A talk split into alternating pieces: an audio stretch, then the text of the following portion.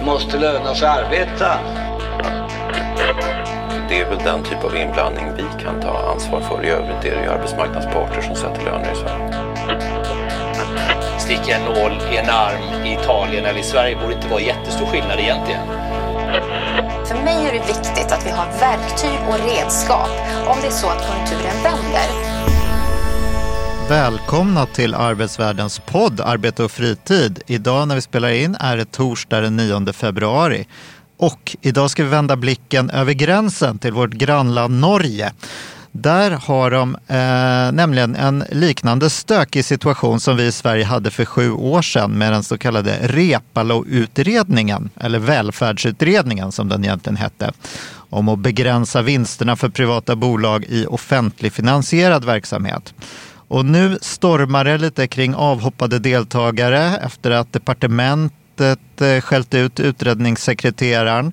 Och vi ställer oss väl frågan, kommer den här utredningen att gå samma öde till möte som Reepalu-utredningen gjorde, som det inte blev så mycket av? Eller kan det bli ett annat resultat i vårt grannland? Detta kan passa att redas ut nu när vi har Britta Lejon, eh, ordförande för just statstjänstemännens fack ST i studion, tillbaka. Hej! Hej Britta! Eh, det känns tryggt att du är här och... Ja, det låter ju bra för jag känner ju att det där med Norge och norska utredningar som går i stöpet, det är inte jag personen att svara på. Nej, men du kan Sverige. Jag har också hört från lyssnare att vi kompletterar varandra bra i podden. Jag, vet, jag frågade inte exakt hur, men jag hoppas att det stämmer. Det känns bra att du är tillbaks. Härligt att här. Och för att Eh, få reda på situationen i Norge har vi en gäst som ska berätta för oss om detta och det är chefredaktören för tidningen Arbetsliv i Norden, Björn Lindahl. Välkommen! Tack ska du ha. Eh, säg någonting om vem du är också. Ja, jag har en lång eh, historia som journalist och korrespondent i Oslo. Jag kom hit 81 och jag har jobbat för Dagens Nyheter, Svenska Dagbladet, Göteborgs-Posten och TV4 under den tiden. Men nu sitter jag alltså som chefredaktör för en tidskrift som finansieras av Nordiska ministerrådet och som ges ut av Arbetsforskningsinstitutet i Oslo. Just det, spännande. Ja, jag ska säga att jag heter Mikael Fältbom och är chefredaktör för Arbetsvärlden också. Det brukar jag glömma bort. Du, det har stormat lite kring en utredning som heter avkommersialiseringsutredningen, kan man väl översätta, halvöversätta det till på svenska. Kan inte du berätta lite om vad det är som har hänt och om bakgrunden? Vad är det här för en utredning? Jo, för eh, två år sedan så var det ju stortingsval i Norge och då blev det en rödgrön regering som består av Arbeiderpartiet och Centerpartiet, det vill säga de norska Socialdemokraterna och Centerpartiet. Men de fick inte tillräckligt med röster för att få en egen majoritet i Stortinget utan var tvungna att förhandla med eh, SV som är det norska vänsterpartiet. Och då satte man sig på ett hotell utanför Oslo i Hudal och därför kallas det här regeringsplattformen som man kom fram till för Hudalsplattformen. Och i den är då ett utav punkterna att det skulle tillsättas en utredning som sågs på Eh, privatiseringen av vården och hur man ska kunna avkommersialisera vården. Eh, den här utredningen den leds utav Tor Sagli som, är, som har varit chef för den absolut största omsorgsinstitutionen i Norge som heter NAV. Det är både Arbetsförmedlingen och Försäkringskassan som har slagits ihop och så har detta samlokaliserats på kommunernas socialkontor. Så att den eh, brukar få ungefär en tredjedel av den norska statsbudgeten. Eh, men han har då lett den här och den, den tillsattes för två år sedan. Men nu så är det två av medlemmarna som säger att de inte längre kan samarbeta med honom. Eh, och det har varit eh, bråk med, som du nämnde, med de som jobbar på departementet också. Och den här utredningen den ska vara klar i juni Eh, nästa, eh, det här året, till sommaren alltså. Och eh, efter sommaren så är det då nytt val i Norge och då är det kommunval. Så att det här blir ju en, en väldigt het potatis i, i början av valdebatten antagligen. Men eh, i Norge som i Sverige så diskuteras ju hälsofrågorna väldigt intensivt och faktiskt i dag så fick eh, borgarrådet för omsorg i Oslo kommun sparken. Så att eh, klockan 11 idag så kallades det in till en presskonferens. Och då handlar det om en skandal som har varit på det som kallas för ett hälsehus. Hälsehus det är en slags mellanstation mellan sjukhuset och hemmet där man antingen eh, kommer in efter att man har opererats och så är där under bättre uppsyn några dagar eller veckor innan man kommer hem. Eh, eller också är det en, en slags eh, slutstation, lite palliativ vård och sånt. Men eh, då har då NRK ett eh, program som liknar Uppdrag granskning som heter Brännpunkt och, och, de har då följt vad som har skett på ett av de här hälsohusen. Och det ligger i Ullen som är en av de eh, stadsdelar med, i Oslo som har ganska hög eh, inkomst i genomsnitt. Och där visar det sig då eh, när man har dolda kameror och andra finurliga saker att eh, de som är på de här hälsohusen har inte fått den vård de skulle behöva. De, de läggs eh, till, alltså de nattas redan klockan fem på eftermiddagen, tillbringar 16 timmar i, i sin säng om de är dementa och eh, det finns inte fungerande alarmsystem så att eh, folk ligger och skriker i timmar och eh, det byts inte blöjor på äldre som inte klarar av det själv och sånt. Så att eh, allt det här blev till en, en väldig debatt men då på sätt och vis med motsatt förtecken för att Ullen hälsehus det blev eh, kommunaliserat igen. Alltså det var ett privat föredrag som drev det fram till 2019 och sen så tog kommunen över. Så att eh, då kan man ju se att det, det går inte alltid bättre om om kommunen har ansvaret. Så eh, resultatet blev då att, eh, att eh, den person i, i kommunen som haft ansvar för den här frågan, han valde att avgå idag eller blev sparkad.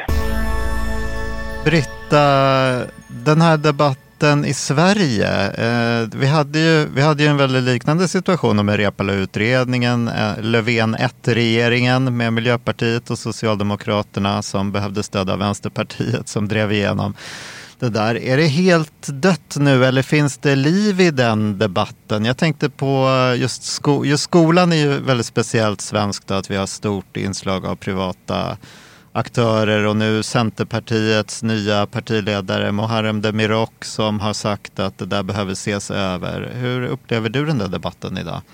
Alltså om du pratar om skolan eller om du pratar om sjukvården eller rent generellt. Jag tänker att ja, men, eh, vi har ju ett parti i den nuvarande regeringen som eh, hade som en av sina största liksom, vallöften att förstatliga sjukvården. Eh, jag tänker på KD. Eh, så det, är ju en, det finns ju med i Tidöavtalet men inte liksom som något eh, som ska ske här och nu utan det är väl mer, jag kan faktiskt inte status på den frågan men det är väl någonting som ska utredas eh, lite grann. Eh, Rätta mig om jag har fel. Men i alla fall, de har ju med det i sitt, sin valplattform. Annars är det väl inte så många partier som, liksom, som går så långt som KD som tycker det när det gäller sjukvården. Eh, skolan, där är det ju... Ja, det blir ju intressant nu vad Centerpartiets nya partiledare kommer att... Ja, hur långt får han med sig sitt parti på och hur, hur liksom, långtgående kommer de att bli. Men där har vi ju från vår, vårt nybildade Sveriges lärare krav på att det ska bli ett ökat statligt inflytande återigen då kan man säga, över skolan. Så Just det, de säger väl att, till och med att eh, vinst och marknadsskola måste fasas ut och de skattepengar som går till skolan ska stanna i skolan, läste jag på deras hemsida. Att Ja, Sveriges lärare säger mm, Sveriges mm. lärare. Ja, men de kom ju med en, en alldeles färsk rapport bara för någon dag sedan som visar på att grundskolan inte klarar sitt kompensatoriska uppdrag. Att skillnaderna ökar mer och mer eh, mellan olika elevgrupper. Att, att skolan inte klarar av att kompensera för föräldrabakgrund och, och sådär. Så att fler blir obehöriga till till gymnasieskolan helt enkelt. Men du, Kristdemokraternas förslag om att förstatliga vården, mm. innebär det jag har inte förstått det som att privata aktörer inte ska Nej, det har inte jag heller förstått det som. Nej. Men mer statlig kontroll och styrning. Just det. Men det intressanta sett från Norges sida det är ju att man har förstatligat sjukhusen här. Så Mm. att det gjorde man för flera år sedan och nu har man fyra hälsoföretag och de eh, styr då eh, över sitt, eh, sin del av Norge som har delats upp i fyra delar. Och eh, då är det inte längre länet som har ansvaret utan det är staten som har tagit över. Och eh, det här är då bra, men det är just i den här skärningspunkten mellan stat och kommun. Eh, kommunen har då ansvar för hälsohusen, staten har ansvar för sjukhuset, så det är olika organisationer. Och då är det ju förstås frestande för sjukhusen som då går på knäna efter en lång pandemi som eh, gjorde att folk är väldigt eh, utmattade och eh, det är mycket som ska liksom hämtas in sedan de här åren. Då är det väldigt frestande för dem att skicka patienter som egentligen är för sjuka för att tas hand om på hälsohusen. Och hälsohusen har svårt att få personal och eh, då går de också på knäna. Så att eh, det är väldigt mycket en fråga om alltså, var ska makten ligga? Och, och i Norge har man då fört den ganska långt mot staten. Men det gör ju också att det blir väldigt stora organisationer eh, medan vård kanske med en, en eh, erfarenhet som man gjorde under coronapandemin och som skiljer Sverige och Norge, det var ju att färre äldre dog i Norge och det är framförallt för att äldreboendena var mycket mindre och att de hade sjukvårdspersonal på eh, äldreboenden. Eh, så att när man har ett, eh, om man har 60 personer att ta hand om eller om man har 260 så blir det en väldig skillnad i hur många anställda som går in genom dörrarna som potentiellt kan smitta de äldre. Så det var ju det som skedde i, i, i början. Men eh, Norge som Sverige, där blir ju folk bara äldre och eh, det blir färre unga så att man kommer i en väldigt svår situation där antalet äldre ökar väldigt kraftigt samtidigt som arbetskraften då inte ökar. Ja, precis, bemanningsproblemen har ju vi också Ja. i våran Ja. vård. Eh, absolut, likartat. Och, och, och i Norge har man ju delvis löst det genom att använda svenska sjuksköterskor. Mm. Eh, och det har ju inte precis förbättrat situationen i Sverige. Men nu under corona så var det väldigt många, alltså det blev ju svårt att, att upprätthålla två, eh, att bo ett ställe och jobba ett annat och, och, och resa runt. Så att då har ju många av de svenska och danska och finska sjuksköterskorna flyttat till sina respektive länder. Och när man nu eh, ser i efterhand på det här så har man då sagt i Norge, eh, senast i en utredning som kom på torsdagen, att man ska inte kunna, man ska inte basera sin sjukvård på att man ska hyra in från andra länder. Eh, det är oetiskt när det gäller eh, länder som precis håller på att bygga upp sitt sjukhusväsende och det är svårt också mellan nordiska länder. Så att man sitter i den situationen att man, man vet att antalet äldre ökar, man vet att eh, det blir inte flera som blir friska, men samtidigt har man färre. Så, och den debatten den är ju lika, likadan i stort sett hela Norden i alla fall, där man har den här befolkningssammansättningen som man har. Hur ser debatten ut, eh, det här med privat eh, kontra offentligt då? Är det några fler än, än socialistisk vänstre som egentligen vill ha den här utredningen? Eller är det, är det bara det dem finns- och sen kommer det- ingenting att ske egentligen? Nej, det, det finns ett ganska starkt stöd eh, långt in i Arbeiderpartiet för att man ska eh, ha så lite kommersiella krafter som möjligt. Och, och man ser ju på Sverige som ett skräckexempel när det gäller utbildningen, att där skolor och sånt, det finns relativt få eh, friskolor i Norge och de är oftast då religiöst eh, att det har en bakgrund på grän- det, det, sättet. det är inte privata företag som driver skolor med vinst. Det finns inte så mycket av i Norge. Men du har ju, du har ju alla möjliga kriser och du har ju den här strömkrisen där då eh, kommunerna ofta äger vattenkraftverken och får en del av inkomsterna från vattenkraften.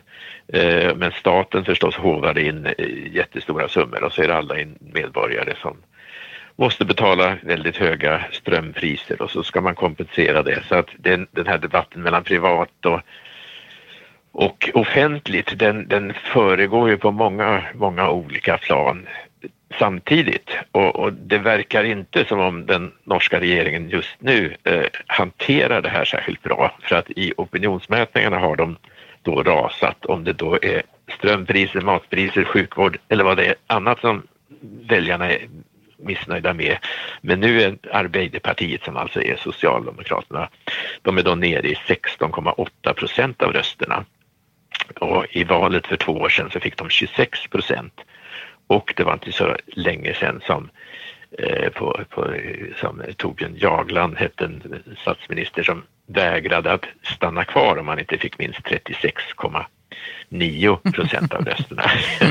så att det här Arbeiderpartiet som länge var liksom låg på 40 procent, det är då nere på under 20 procent av rösterna.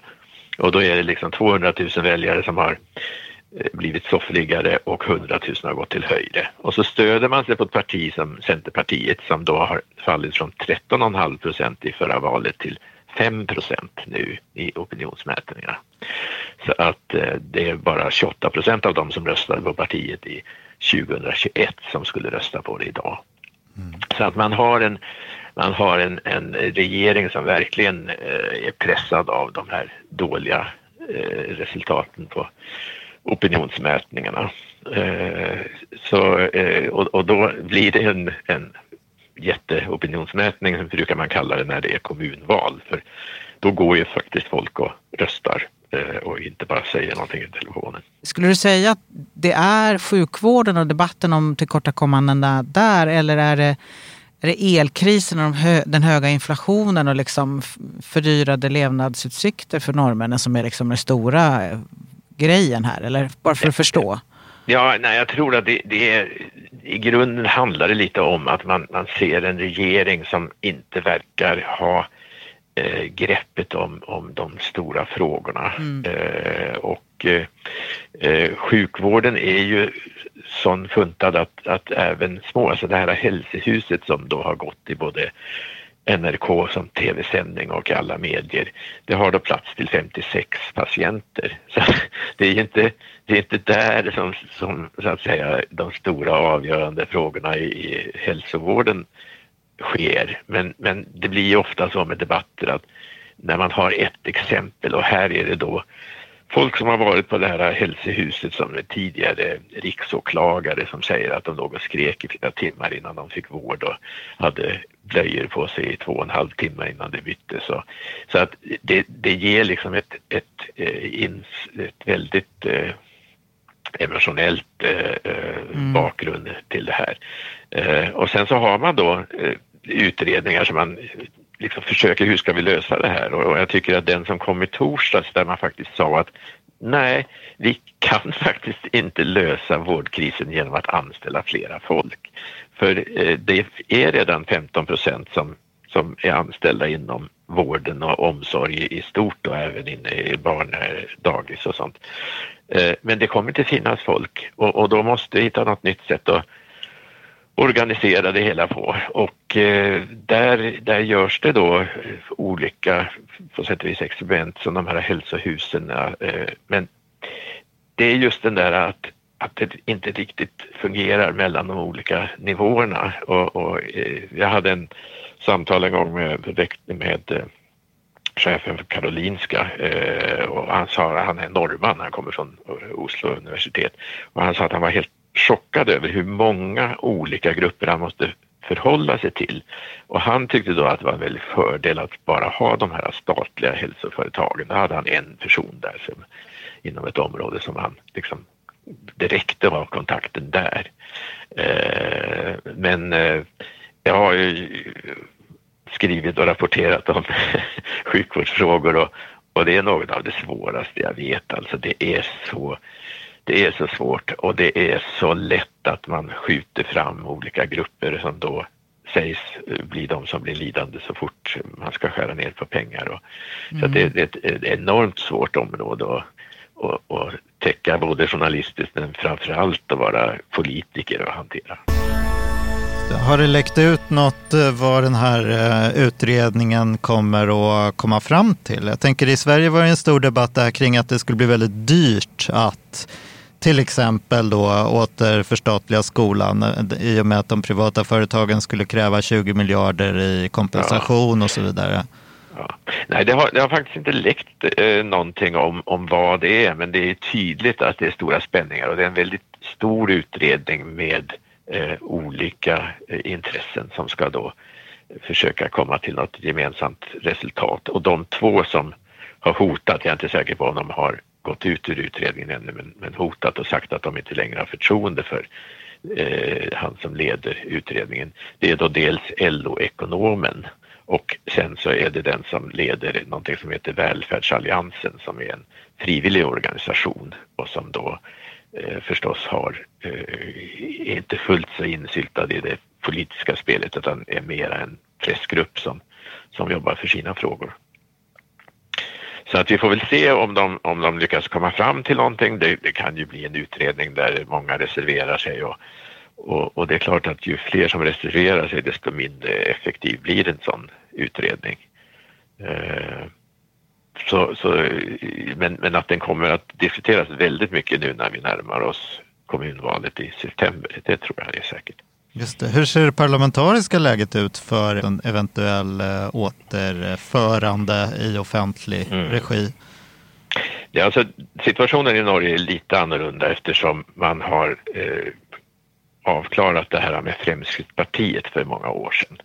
Så att eh, Sverigedemokraterna har ju precis genom Tidöavtalet börjat bli accepterade i svensk politik. Och det betyder att då är det mera de klassiska högra vänsterskalan. För att i, i Sverige som jag förstår det så har Sverigedemokraterna så att säga kunnat ligga i mitten och, och varit vågmästare och man har inte kunnat hitta någon riktigt bra majoritet varken till vänster eller höger. Så att jag tror att eh, det kommer vara eh, lite mera klara linjer i Norge. Eh, lite mera klassiskt höger och vänster. Men med det som så sagt så är ju Fremskrittspartiet ett, ett väldigt folkligt parti i Norge eh, där de är väldigt representerade egentligen i alla folkgrupper och de har äldrevården som en av sina absolut högsta eh, prioriteringar. Eh, men de har ju suttit i regering tidigare med Höyre och eh, är allmänt accepterade nu som en del av, av politiken medan det fortfarande finns ju några partier i Sverige som vill frysa ut Sverigedemokraterna helt och hållet. Just det. Men har Socialistiskt Vänstre, Arbeiderpartiet och eh, eh, Centerpartiet eh, majoritet? De har, eh, alltså det är en regering som består av Arbeiderpartiet och, och eh, Centerpartiet. Eh, Centerpartiet men som är beroende av SVs stöd. Och då har de majoritet? Just det, då men, har de majoritet. Just det, men är Centerpartiet och Arbeiderpartiet egentligen intresserade av den här utredningen då? Ja, jag tror, jag tror egentligen inte det. Jag, jag, tror, jag tror att det där är någon, en eftergift som de gav till SV. Ja. Och sen så har man då skjutit på den så långt man kan innan den ska vara färdig så att eh, liksom man kan jobba i, i fred de här första två åren. Eh, så. så det här låter som att det är väldigt otydligt om det kommer komma ut några egentliga ja. lagstiftningsförslag. Men det skulle kunna egentligen i princip. Jo, alltså man, man kan, man kan eh, och, och, man kan väl säga att det är väl ett sätt att stämma i bäcken att så här långt kan vi gå men inte längre. Eh, det, det är väl så. Eh, annars så fortsätter ju utvecklingen mot kanske ännu större del privatbolag inom vården. Jag undrar varför tror du att det blir sånt liv om det då? Om det är så få som egentligen är intresserade av frågan i, i nästa norska val? Ja, men det är, det är både alltså SD då, men sen så har du att Arbeiderpartiet är ganska splittrat just nu. Mm. Eh, och eh, du hade ju en, en metoo-skandal där vice ordföranden Trond Giske som kommer från Trondheim eh, var, var tvungen att eh, avgå från den positionen. Han håller då på att bygga upp en slags vänsteropposition inom Arbeiderpartiet. Eh, han, han gick in i ett lokalt litet Arbeiderpartidistrikt uppe i i Trondheim som hade 16 medlemmar och nu är det här ja, jag tror det är 3000 medlemmar som har kommit dit. Så att eh, det finns då en, en kraftig eh, vänsteropposition i, i Arbeiderpartiet. Och när man då vet att eh, SV står där och så har du Miljöpartiet som i Norge också ligger ganska långt till vänster i många frågor. Eh, och så har du Fremskrittspartiet som av och till eh, också drämmer till med att eh, ja, nu ska vi ge mer. De, de är främst eh, ute efter att ge mer pengar till allting och använda så mycket av oljefonden och, och där kommer vi in på liksom den här sista stora skillnaden mellan Norge och Sverige och det är ju att de har haft en väldigt stark offentlig ekonomi, har en enorm oljefond, men samtidigt ligger på 1,7 procent i arbetslöshet. Så att man kan inte, det finns liksom inte folk att anställa. Och, och sätter man av massa pengar till att anställa folk så betyder det bara att lönerna går upp eh, för vissa grupper. Eh, så Kåre Willoch som var en, en, eh, statsminister så länge sedan, han brukade säga att i borrhålen i oljefälten så är det inte sjuksköterskor som kommer upp utan det är faktiskt olja. Och den måste först använda till att finansiera utbildning så att vi får flera sjuksköterskor. Eh, och det tar tid. Eh, så att eh, men, mm. men nu kommer ju Norge i en lite annan situation för att man måste ju samla, alltså klimatomställningen gör att oljeindustrin eh, kommer att bli mindre i framtiden. Och eh, en enda oljearbetare har varit, varit ungefär 14 gånger så mera lönsam som en vanlig arbetare om man bara tar och intressant. Så att du ska, det är jättebra med, med ny energi och, och nya sånt men de är inte alls de vinster som fanns i oljeindustrin. Mm. Ja, vilken omställning.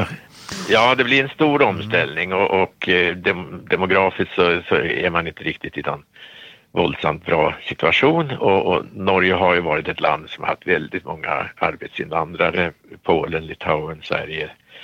Eh, men där corona har delvis gjort att eh, en del grupper har valt att stanna hemma och upptäckt att det kanske inte var så dumt att jobba hemma heller. Eh, Polen har ju inte så tokig ekonomi tror jag utan eh, de har varit i Norge, tjänat ihop sina pengar till att bygga ett hus någonstans i sitt eget land. Då.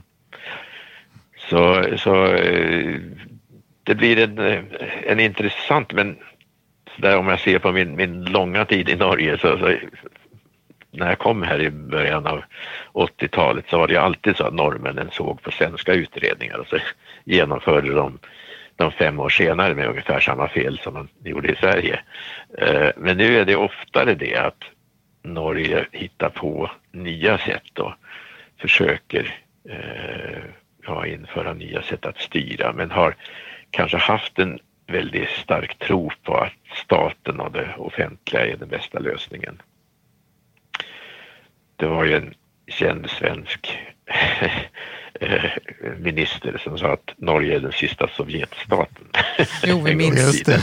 Du, det är ju jättesvårt att jämföra länder eftersom vi ändå har, även om vi naturligtvis vid en yttre anblick är väldigt lika men det är ändå väldigt stora skillnader mellan Norge och Sverige eh, på massa sätt. Men finns det, går det att säga att det finns någonting som vi i Sverige kan lära av, av de här både norska debatterna och tillkortakommandena och eh, den lyckade, de lyckade delarna av sjukvården?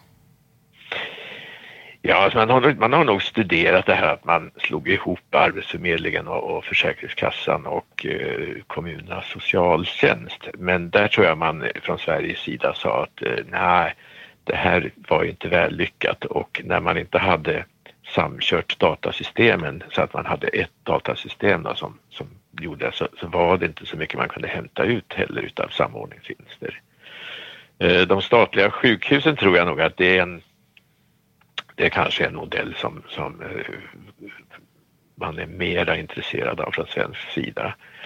Och sen så är det ju, det pågår alltså olika mera sådana här tekniska saker hur man får en elektronisk eh, journal som då kan användas eh, på många olika sätt. I, I Norge har man ju också det man kallar för fastläger, det vill säga ett slags husläkarsystem där man Eh, Eh, har en läkare som man förhåller sig till.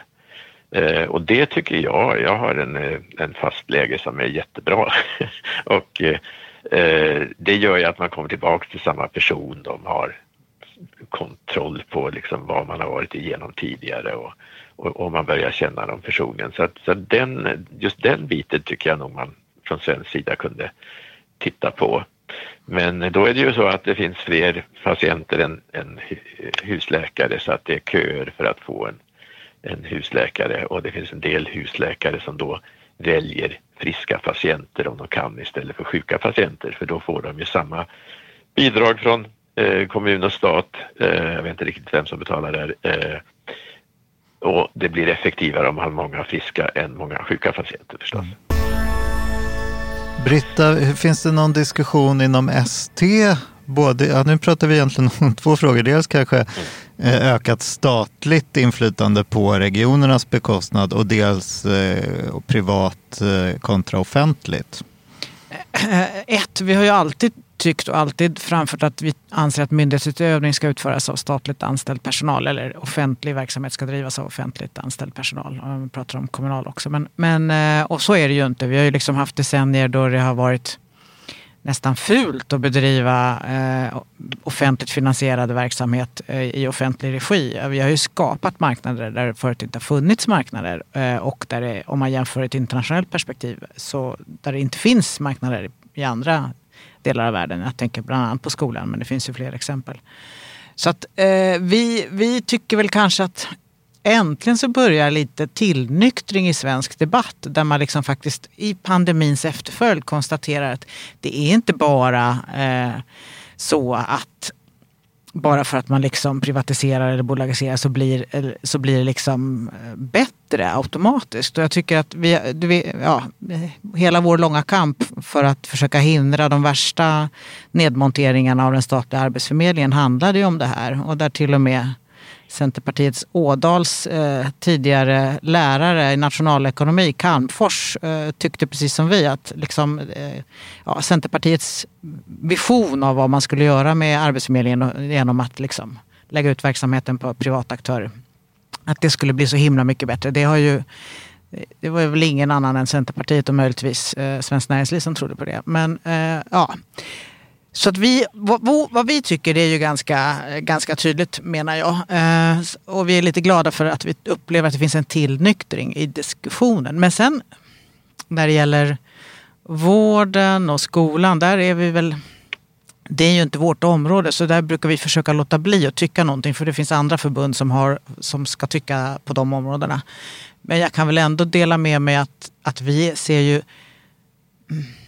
Alltså, det är inte bara odelat positivt från vår sida om det skulle bli mer statlig styrning av, av, av de här två stora gigantiska verksamheterna. Därför att vi kanske är lite rädda att det som alltid är det ju en kamp om resurser. Eh, och om, om staten återigen ska finansiera eh, både stora delar av vården och skolan ännu mer än idag och styra det så, så är vi lite rädda att det blir kanske inte så mycket pengar över till övrig civil statsförvaltning. Och sam, samma oro har vi ju nu när det gäller upprustningen av det svenska försvaret. Var ska pengarna tas? Eh, ja, på Folk och Försvar så hade vi ju liksom företrädare för ett av de nuvarande regeringspartiernas ungdomsförbund som tyckte vi kan väl låta bli och vi kan väl lägga ner barnbidragen till exempel. Nu var ju det ett ungdomsförbund, men i alla fall. Eh, vi, vi har ännu inte sett var pengarna ska tas. Så att, jag avstår från att uttala mig om liksom vård och skola och deras organisationsstrukturer. Jag kan bara säga att som medborgare så finns det ju allvarliga brister i, i stora delar av de här skapade marknaderna där vi inte längre kan ha en, en likvärdighet eh, och tillgänglighet till de här stora välfärdstjänsterna på det sätt som svenska medborgare har rätt att, att förvänta sig. Och jag tycker att det är, vi har all anledning att försöka dra lärdom av vad andra länder gör och deras men framförallt att i högre utsträckning än vad vi gör idag faktiskt utvärdera vad vi själva har gjort och försöka närma oss de frågorna utifrån ett mer faktabaserat synsätt än, än som det så lätt har blivit och blir. Alltså otroligt eh, högröstat och där, där de politiska företrädarna inte riktigt klarar av att, att lyssna till vetenskapen och inte heller alla gånger bekymra sig om att ta reda på saker. jag tänker på Dels, dels, du var inne på NKS på Karolinska där du Björn. Mm, ja.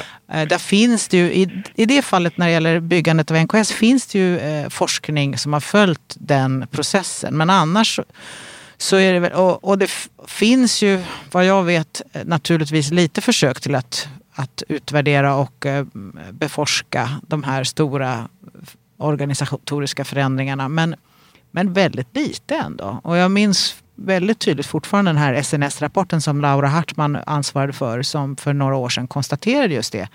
Vi vet för lite om vad som funkar. När, när, när är det bra med liksom, privata utförare av offentlig verksamhet? Eh, vi har för lite kunskap om det egentligen. Och jag kan bara konstatera att på AFs område så är inte resultaten än så länge särskilt eh, lovande eller bra. Tittar vi på Försäkringskassans område så kan man ju se att assistansen, eh, den reformen har ju nu liksom kidnappats eh, nästan, eh, överdriver lite, men ändå det är extremt mycket problem med, den, med utförandet av den verksamheten där vi har stora delar av eh, organiserad brottslighet som är inne och verkar där. Så att, den här humana. Ja, det är ju bara ett litet exempel. Jag tänker det finns ju många. Det, det, och sen har vi liksom eh, ja, fler, många andra exempel också. Eh, så att jag tänker att vi behöver, vi behöver lära oss och utvärdera mer av det vi själva gör i Sverige. Jag tror också att, att om jag får säga bara så här, personlig mening, att, att väldigt ofta så blir resultatet att man ska omorganisera, men att dessa omorganisationer det slukar enormt med kraft. Eh, först så är alla oroliga för var de ska hamna i, i den nya strukturen och sen är det nya saker som ska läras och så till sist så får man kanske lite vinster. Men man skulle kanske vara mera att trimma än att omorganisera, att verkligen försöka trimma så att man har duktig personal. Då. Och eh, det är klart att det är inte allt som passar i alla länder. Norge har fortfarande 440 kommuner mot 250 i Sverige ungefär och, och det ser ut som det gör. Eh, du har Eh, barn eh, som ska födas och mödrarna som då har väldigt långt till sina sjukhus och det blir väldigt ofta just de här eh, födelseklinikerna och sånt som diskuteras när, mm. när det läggs ner och sånt. Det gör det ju i eh, Sverige också, men, men Norge ja. har ju ännu värre geografi än vad Sverige har. Jo, det har det och, mm. och samtidigt finns det ju helikoptrar och sånt så att de har ett ganska bra utbyggt system där. Men det är ju, det är alltid, jag tror att en, en stor fråga som kommer det är artificiell intelligens och hur ska man då utnyttja den inom vården mm. eh, på ett eller annat sätt. Eh, och det är klart att eh, det finns en del datahantering som kan gå bra men det handlar ju också om människor och eh, där får man ju vara försiktig så att man plötsligt inte har någon, någon robot som tar hand om sin, eh, sina föräldrar eh, mm. på sista tiden. Eh, och, och, de börjar ju bli så duktiga de här robotarna så att eh, jag skrev just en artikel om en som hade gjort ett system för hur man tränar hundar när man inte är hemma själv. Och då har de en liten dispenser på väggen och så får, är det en tv-skärm och så får hunden då besked, ligg, sitt upp och när den har gjort sina saker så får den en belöning från väggen. Men det blir, Lite skillnad på hundar och dementa äldre kanske. Intressant, men... intressant. Men du, det är det ja, man får tänka ja, på. Ja. Jag tänker bara en sak som du sa, apropå, alltså absolut att AI kommer att ha jättestor betydelse, vi fattar nog inte bråkdelen ja. än av vad. Men jag tänkte när du drar slutsatsen från den norska liksom, erfarenheten att vi lösningen är inte att bemanna upp med fler människor för det finns inte fler människor att få tag på. Det finns bara 1,7 procents arbetslöshet och man har jättemånga som redan är liksom sysselsatta i, av arbetskraften i, i vården och de här tjänsterna. Så tänkte jag bara att Ja, men och så pratade du om jag nu minns rätt liksom om behovet av att se på organisationsgränser och det är ju det är alltid mm. viktigt att ha klara tydliga liksom, ansvarslinjer och sånt där. Men jag tänker, mm. det finns ingen diskussion om, om behov av arbetskraftsinvandring till Norge då? Nej, det är den, den, det som var nytt i den här rapporten som kom i torsdags, att man faktiskt säger att Alltså det, arbetskraftsinvandring, ja, men inte inom sjukvården. För att när nästa pandemi kommer så försvann de här sjuksköterskorna och då är man av beredskapsmässiga mm. skäl mm. tvungen att ha en fungerande sjukvård även under en kris. Eh, och man såg ju hur duktiga eh, finnarna var med eh, sina lager av munskydd och annat. De, de hade ju en helt annan tänkt Verkligen. igenom det här. Ja, och, och jag kommer ihåg en gång jag skulle skriva en artikel och det visade sig att det är liksom två industrier i hela världen som gör sådana här munbindel den gången. Att, att eh, samhällena har blivit ganska sårbara på många sätt genom att allting specialiseras och allting blir enheter som blir eh, allt större produktion.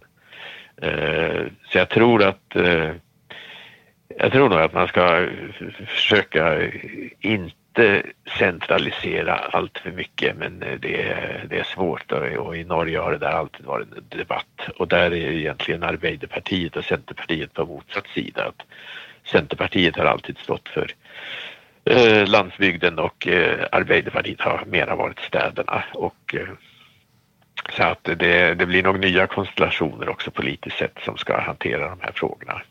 Men intressant, den där debatten har kanske inte nått Sverige att arbetskraftsinvandring kan vara ett problem i tider av kris. Ja, Någon ja. sorts självhushållning av arbetskraft så att säga. Ja, eh, och, och det handlar ju då om...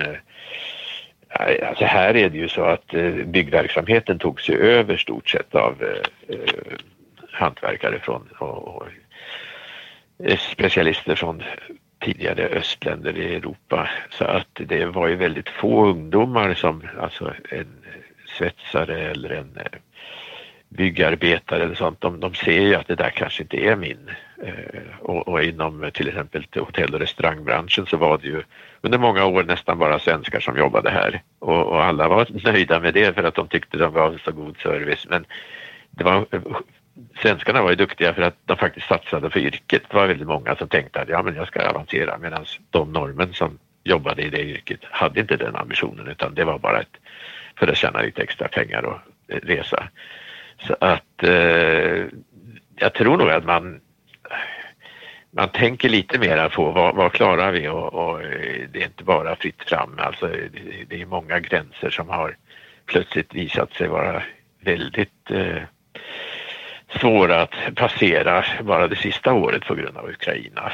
Eh, gränsen mellan Ryssland och Norge till exempel. Det brukade vara 140 000 som passerade och det är nästan ingen som gör det nu per år. Ny värld vi lever i. Ja, det är ju inte alltid den bästa av nya världar heller. Så. Nej. Har vi, no- har vi eh, uttömt ämnet? Det har vi väl inte, men det ska Nej. bli intressant att följa vad som händer i Norge med, med, inför Ja. nästa val. Det ska det. Ja, det blir intressant och den här utredningen kommer 24 juni, var det så? 24 juni kommer den ja, om allt går som planerat. Du Björn Lindahl, tusen tack för att du var med och gav oss bilden av vårt kära grannland Norge. ja, Ja, det var och, trevligt att prata med er också. ja. och eh, Britta, tack som alltid. Tack själv. Ja, och eh, du som klipper podden sitter här, Henrik Andersson Fågel. Vi ses och hörs igen om sisådär två veckor. Tack till er som har lyssnat också.